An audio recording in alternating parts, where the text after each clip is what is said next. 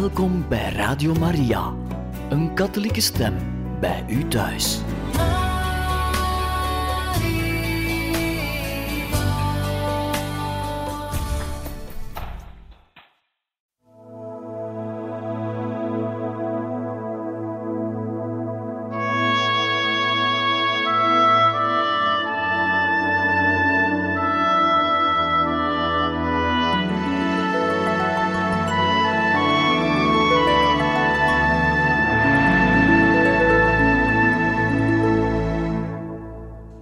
Harte welkom, beste luisteraars van Radio Maria, bij het programma Heiligen Getuigen.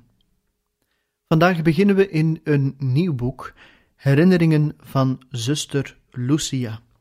Dan hebben we het natuurlijk over zuster Lucia van het onbevlekt hart van Maria.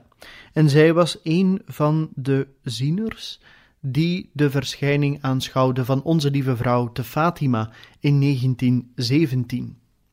We gaan haar herinneringen opnieuw voor de geest roepen. We doen dit aan de hand van de teksten en brieven die zij heeft geschreven. En op die manier gaan we ook beter kennis kunnen nemen van wat er nu eigenlijk gebeurd is in Fatima. En dit bekeken vanuit het standpunt van zuster Lucia. Alvorens we daarmee beginnen, gaan we kijken naar een korte biografie van deze zuster.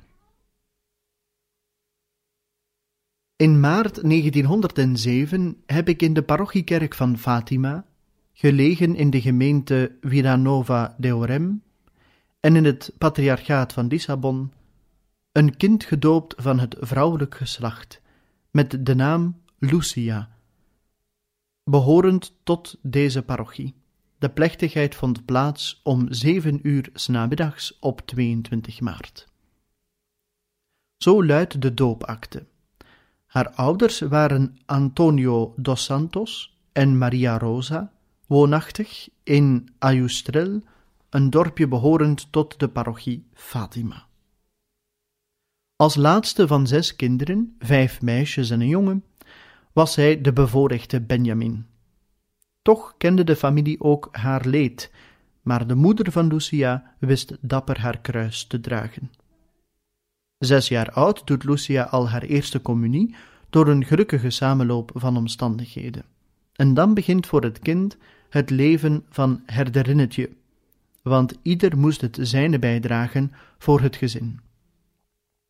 In 1915 zijn het de kinderen van de stad en omstreken die haar vergezellen.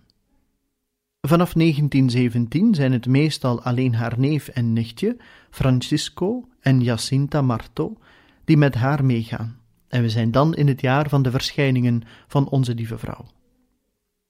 Bij de verschijningen neemt Lucia een bijzondere plaats in. Zij is de enige die met de verschijning spreekt en van haar een bijzondere boodschap ontvangt die ze moet doorgeven. Samen met haar neef en nichtje verduurt ze de spot en vervolging omwille van de verschijningen, maar zij is de enige die moet blijven om haar zending in deze wereld te vervullen. Zo krijgt ze de opdracht van onze lieve vrouw om te leren lezen. Inderdaad, eerst na de verschijningen gaat ze naar school, waar ze al gauw met haar goede aanleg en sterk geheugen leert lezen en schrijven. Na de verschijningen was Lucia natuurlijk de zienster, met alle risico's van dien. Ze verdiende bescherming. Het was de bisschop zelf van Leiria, opnieuw opgericht als bisdom, die aandacht had voor de opvoeding van Lucia en haar wenste te onttrekken aan een sfeer waarschijnlijk weinig bevorderlijk voor een gezonde ontwikkeling van dit kind.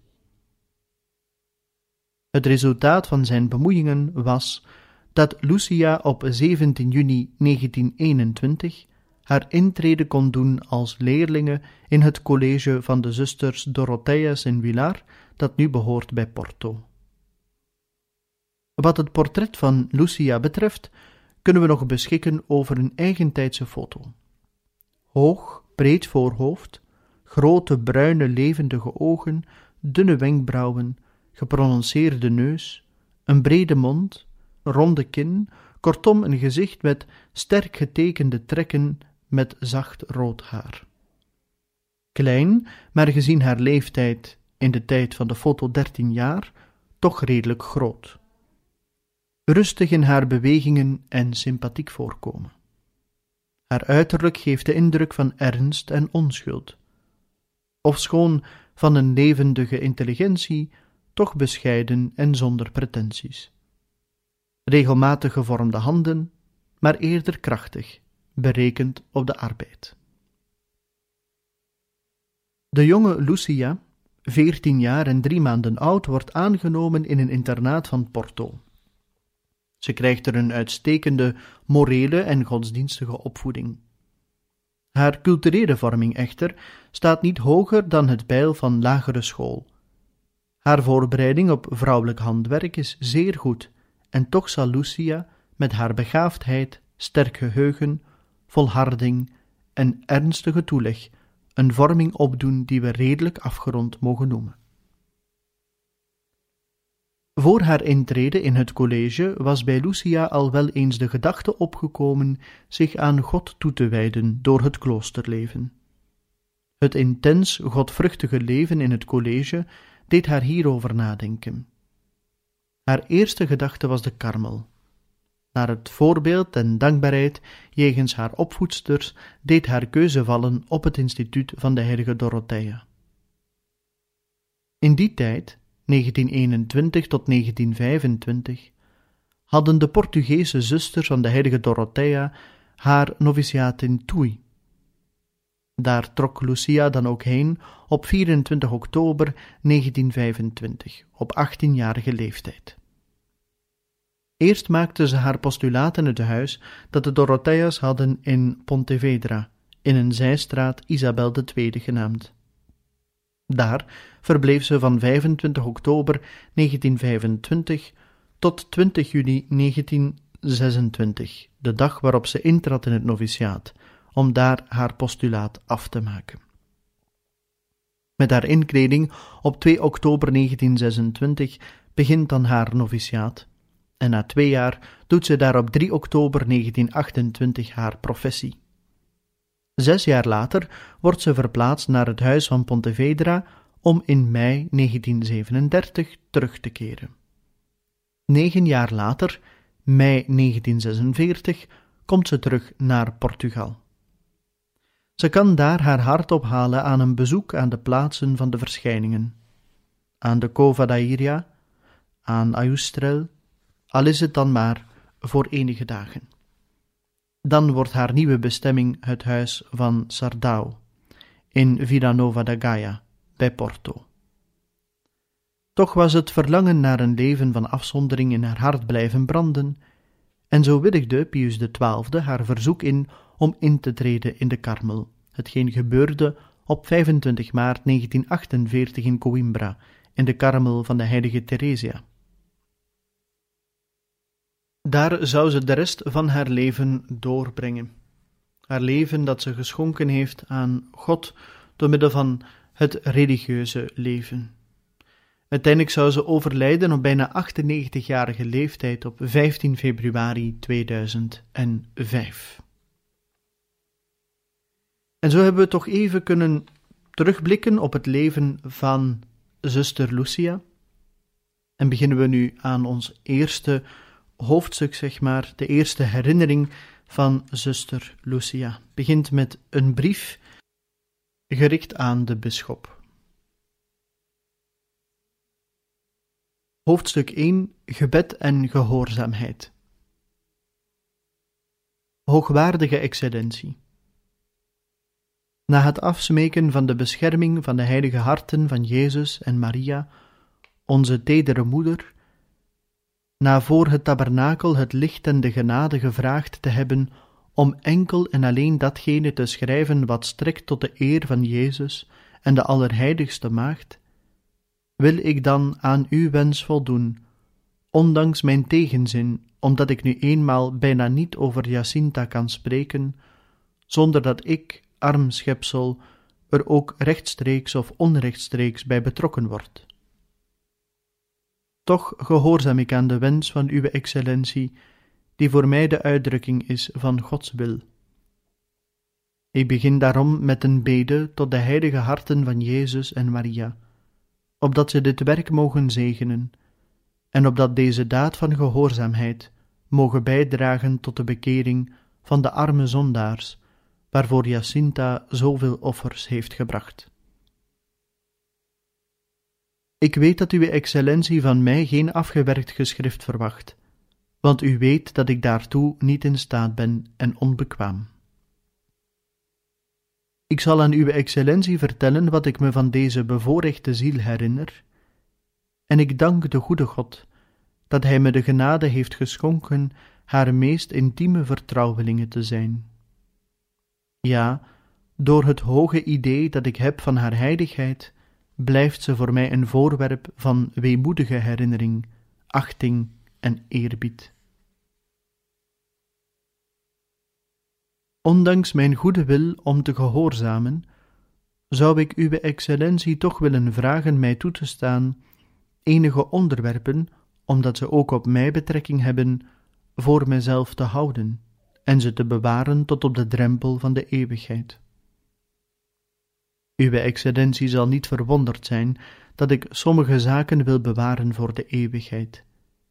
Heeft immers onze lieve vrouw me daarin niet het voorbeeld gegeven? Zegt de Heilige Schrift ons niet dat Maria al deze dingen in haar hart bewaarde? En wie had ons beter dan haar onbevlekte hart de geheimen van de goddelijke barmhartigheid kunnen meedelen? Toch heeft zij ze meegenomen als in een gesloten tuin naar het paleis van de goddelijke koning. Ik herinner me nog een stelregel die me een heilig priester gaf toen ik pas elf jaar oud was. Hij kwam als zoveel anderen om me vragen te stellen. Onder andere ondervroeg hij me over een onderwerp waarover ik niet wenste te spreken. Toen hij heel zijn repertoire van vragen had uitgeput, zonder dat hij over dit onderwerp een bevredigend antwoord had gekregen, gaf hij mij een kruisje en zei, omdat hij misschien had begrepen dat hij een te delicaat onderwerp aanroerde: Je doet goed, mijn kind. Het geheim van de dochter van de koning moet verborgen blijven in het diepst van haar hart. Op dat ogenblik snapte ik de betekenis van die woorden nog niet, maar wel begreep ik dat hij mijn handelwijze goedkeurde, en omdat ik me de woorden nog herinner, begrijp ik ze nu. Die priester was toen pastoor in Torres Novas. Uwe excellentie kan zich moeilijk indenken hoeveel goed me deze weinige woorden gedaan hebben, en daarom bewaar ik een dankbare herinnering aan deze priester. Toch heb ik op zekere dag een heilig priester geraadpleegd over dit voorbehoud, want ik wist niet wat ik moest antwoorden als ze me de vraag zouden stellen of onze lieve vrouw verder nog iets gezegd had. Die heer, die toen pastoor was van Olival, zei ons: Kindertjes, jullie mogen gerust het geheim van je hart bewaren voor God en voor jezelf. Als men jullie deze vraag stelt, antwoord dan: Ja, onze lieve vrouw heeft nog meer gezegd, maar dat is geheim. Als men dan toch nog insisteert met vragen hierover, denk dan aan het geheim dat die dame jullie heeft meegedeeld en zegt: Onze lieve vrouw zei dat we het aan niemand zouden zeggen, en daarom zeggen we het niet. Op die manier kun je het geheim bewaren onder de bescherming van onze lieve vrouw. Wat heb ik die uitleg en die stelregel van die oude eerbiedwaardige priester goed begrepen? Maar excuseer, ik heb al te veel tijd verloren met deze vooropmerkingen, en zijn excellentie zal me zeggen dat hij niet ziet wat die hier komen doen. Goed, laat ik dan het verhaal van mijn herinneringen aan het leven van Jacinta beginnen. Daar ik niet over vrije tijd beschik, zal ik gedurende de stille uren van arbeid met pen en blaadje, weggedoken tussen het naaiwerk, me trachten te herinneren en neerschrijven wat de heilige harten van Jezus en Maria me welwillend in herinnering roepen.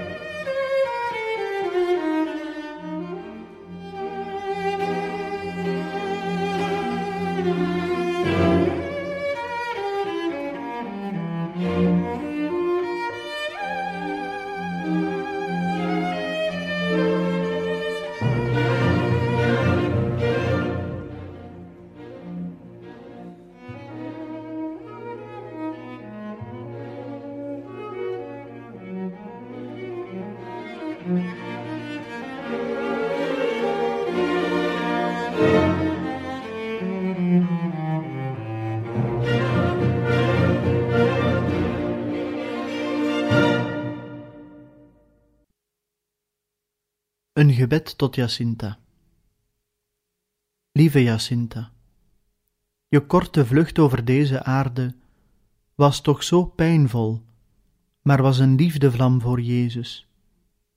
Wil niet vergeten de bede die ik je deed. Toon je mijn vriendin bij de troon van Moeder Maria. Blanke lady, glinsterende parel, o daar in de hemel, waar jij, serafijn van liefde, triomferend leeft met je broertje. Bid voor mij aan de voeten van de Heer.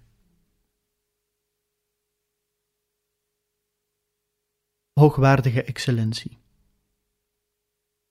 Voor de gebeurtenissen van 1917 deed geen enkele bijzondere genegenheid, als we de banden van verwantschap die ons verenigden uitsluiten, mij het gezelschap van Jacinta en Francisco verkiezen boven dat van welk ander kind.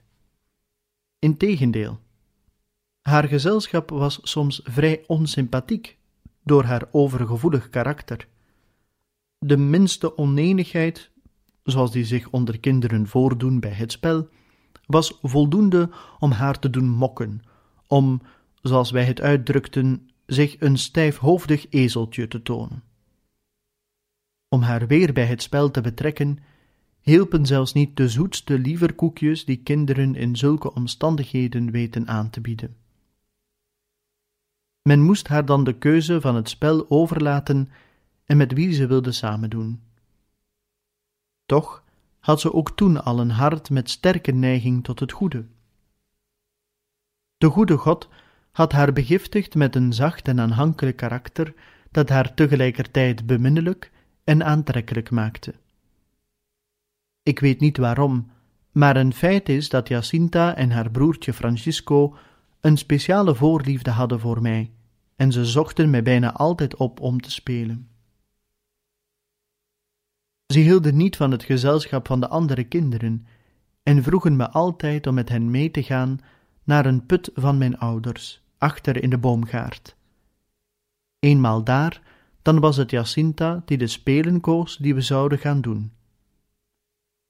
Haar geliefkoosde spelen waren bijna altijd het spel met de steentjes of met knopen. Bij het laatste spel zat ik herhaaldelijk in grote verlegenheid, want als men ons riep om te eten, zat ik zonder knopen aan mijn kleren. Gewoonlijk had zij ze gewonnen, en dan kreeg ik van moeder op mijn kop. Ik moest ze gauw aannaaien, maar hoe kreeg ik ze terug van haar? Want behalve de aardigheid van het pruilen, had ze ook nog een hebberige aard. Ze wou ze bewaren voor het volgende spelletje, om niet haar eigen knopen te moeten aftrekken. Alleen door te dreigen dat ik dan niet meer met haar speelde, ging ze door de knieën. Maar het gebeurde vaak dat ik aan het verlangen van mijn vriendinnetje niet kon voldoen.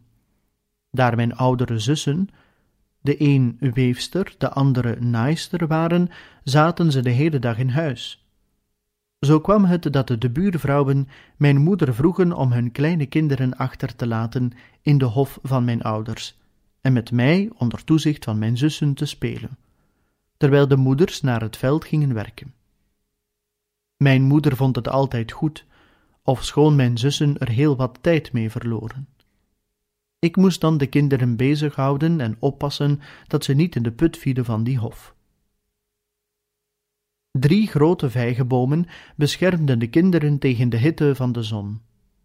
Hun takken dienden ons als schommel en van een oude dorsvloer maakten we eetsalon. Als Jacinta met haar broertje me op zulke dagen kwam roepen om ons op het geliefkoosde plekje terug te trekken, zei ik dat ik niet kon, want ik moest van moeder daar blijven. Dan legden de peuters zich verdrietig bij het onvermijdelijke neer en deden dan maar mee aan het spel. In de rusturen van de middag gaf moeder haar kinderen onderricht, vooral wanneer de vastentijd in aantocht was, want, zo zei ze, ik wil me niet hoeven te schamen wanneer meneer pastoor jullie de catechismus afvraagt in verband met het vervullen van de paasplicht.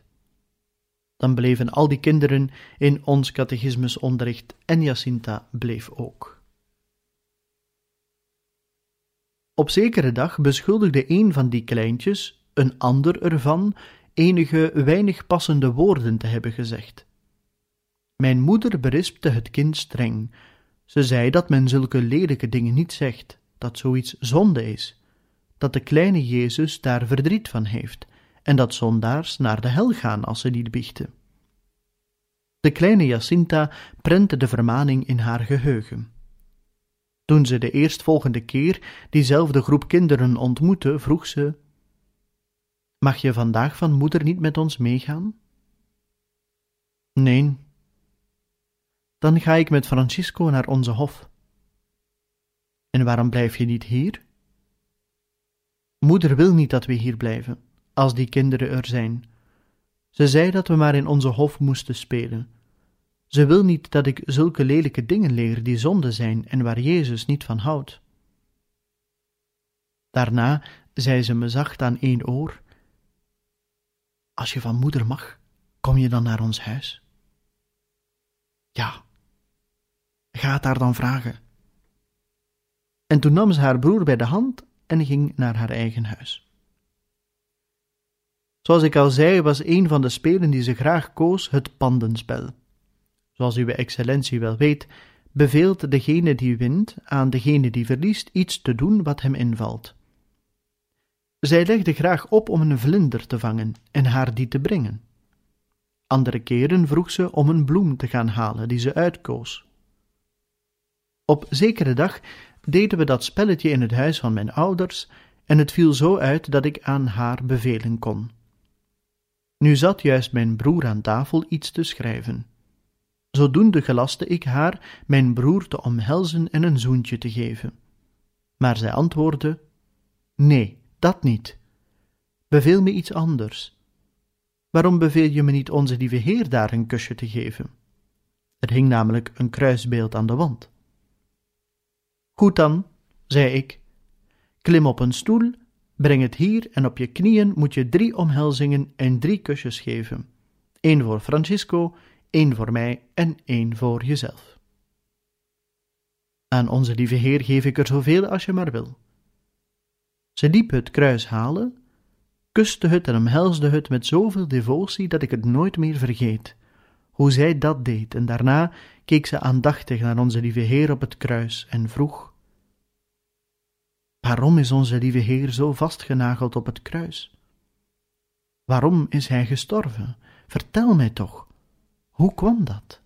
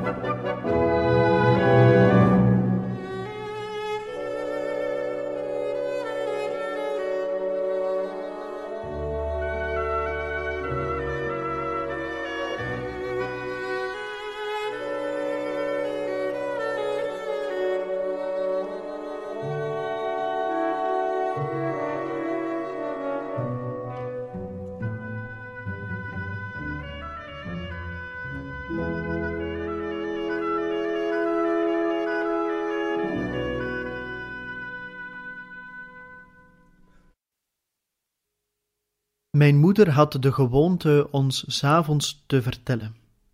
En bij de verhalen over betoverende feeën, in goud geklede prinsessen, koningsduifjes die voor rekening kwamen van mijn vader en van mijn oudste zussen, voegde mijn moeder de verhalen over de passie de heilige Johannes de Doper, enzovoort. En daar ik de passie van onze lieve Heer kende als een verhaal, en daar ik verhalen maar één keer hoefde te horen om ze daarna met alle bijzonderheden na te vertellen, begon ik het verhaal van onze lieve Heer, zoals ik het betitelde, aan mijn speelmakkertjes te vertellen. Toen mijn zus bij het langskomen merkte dat we het kruis hadden, nam ze het ons af, beknorde ons en zei dat ze niet wilde dat we met heilige voorwerpen speelden. Jacinta stond op, ging naar mijn zuster toe en zei: Maria, wees niet boos. Ik had het genomen, maar ik doe het nooit meer. Mijn zus streelde haar en zei dat we buiten zouden spelen, omdat we binnen niets op zijn plaats lieten. We gingen dan verder met ons verhaal, gezeten op de put waarvan ik al sprak, en omdat hij verborgen lag achter een paar kastanjebomen, achter een hoop stenen en braambessenstruiken, zouden we deze plek enige jaren later uitkiezen als kluis voor onze gesprekken, onze vurige gebeden en soms ook voor bittere tranen. Zijn water mengden we met onze tranen, om dat later weer te drinken uit de bron waarin wij deze vergoten. Was die put niet het beeld van de heilige maagd, in wier hart wij ons verdriet stilden en waaruit wij de zuiverste troost dronken? Maar om terug te komen op ons verhaal. Toen de kleine de geschiedenis hoorde van het lijden van onze lieve Heer, greep het haar zo aan dat ze begon te huilen. Och, arme Jezus, zei ze, ik wil nooit geen zonde doen, hij mag niet nog meer lijden. De kleine Jacinta ging ook graag s'avonds bij het vallen van de avond naar een erf voor ons huis om het heerlijke ondergaan van de zon te zien, met de daaropvolgende sterrenhemel. Haar bewondering voor de mooie maannachten kende geen grenzen. We wedden om te zien wie in staat was de sterren, die we de lampjes van de engelen noemden, te tellen. De maan was onze lieve vrouw, en de zon was onze lieve Heer. Zo zei Jacinta soms: Ik hou nog meer van de lamp van onze lieve vrouw, die ons niet verbrandt en niet verblindt. Dat doet toch die van onze lieve Heer. Inderdaad kan de zon daar op sommige dagen van het jaar hevig branden, en daar het kind heel zwak van gestel was, leed ze erg van de hitte. Daar mijn zus zelatrice was van de congregatie van het Heilig Hart van Jezus, zorgde ze er ook voor dat ook ik, telkens als er plechtige kindercommunie was, mijn communie hernieuwde. Eens nam mijn tante haar dochtertje Jacinta mee om het feest te zien. De kleine kwam niet uitgekeken op de engeltjes die bloemen wierpen. Vanaf die dag ging ze soms, wanneer we aan het spelen waren, weg plukte een armvol bloemen en kwam me daarmee bestrooien. Jacinta, waarom doe je dat? Ik doe wat de engeltjes doen, bloemen strooien.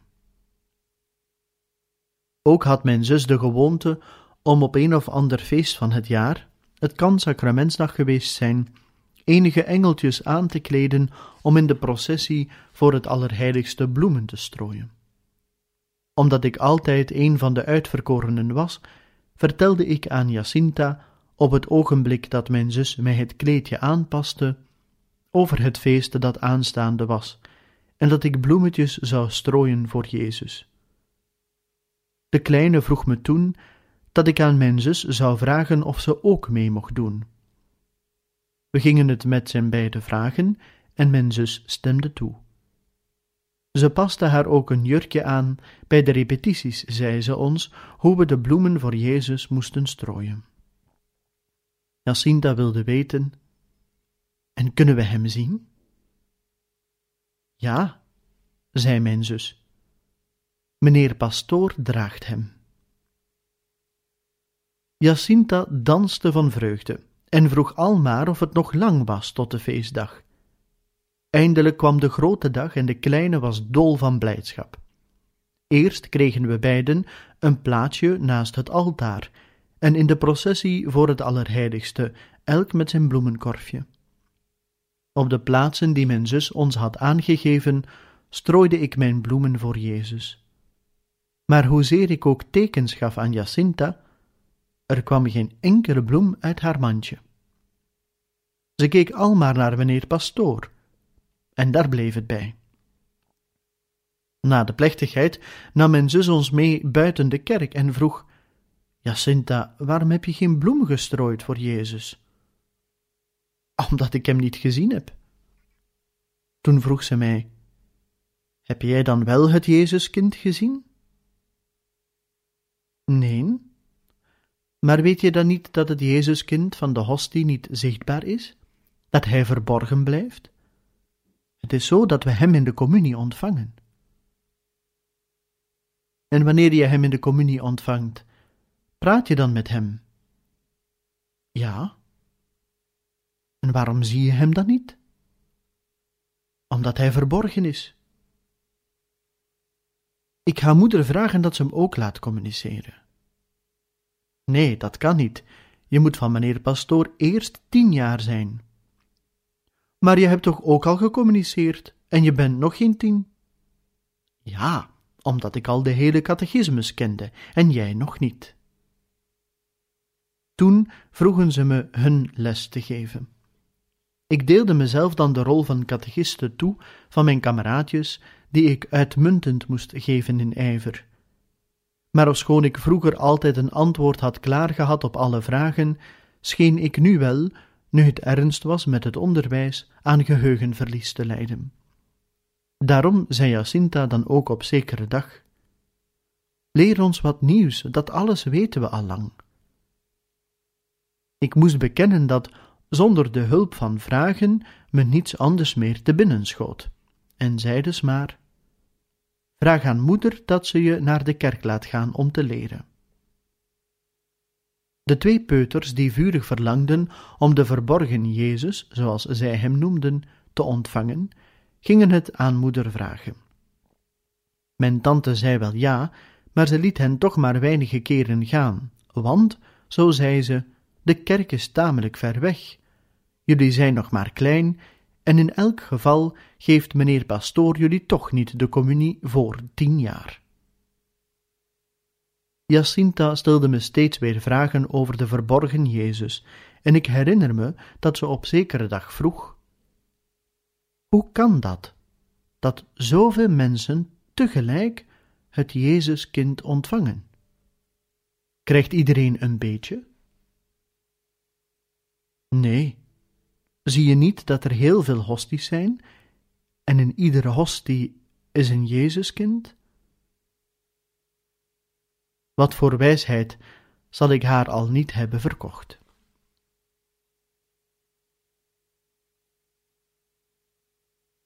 En zo, beste luisteraars van Radio Maria, zijn we aan het einde gekomen van deze aflevering van ons nieuwe boek dat we voorlezen, Herinneringen van zuster Lucia.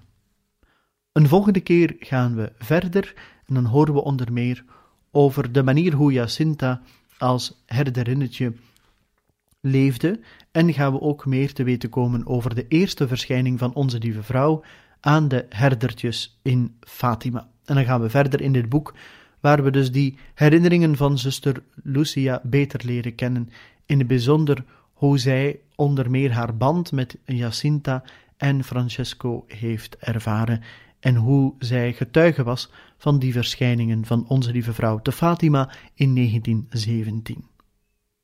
Ik dank u van ganser harte voor uw luisterend oor en hoop dat u er ook een volgende keer opnieuw wenst bij te zijn. Van harte dank en nog een bijzonder fijne dag gewenst.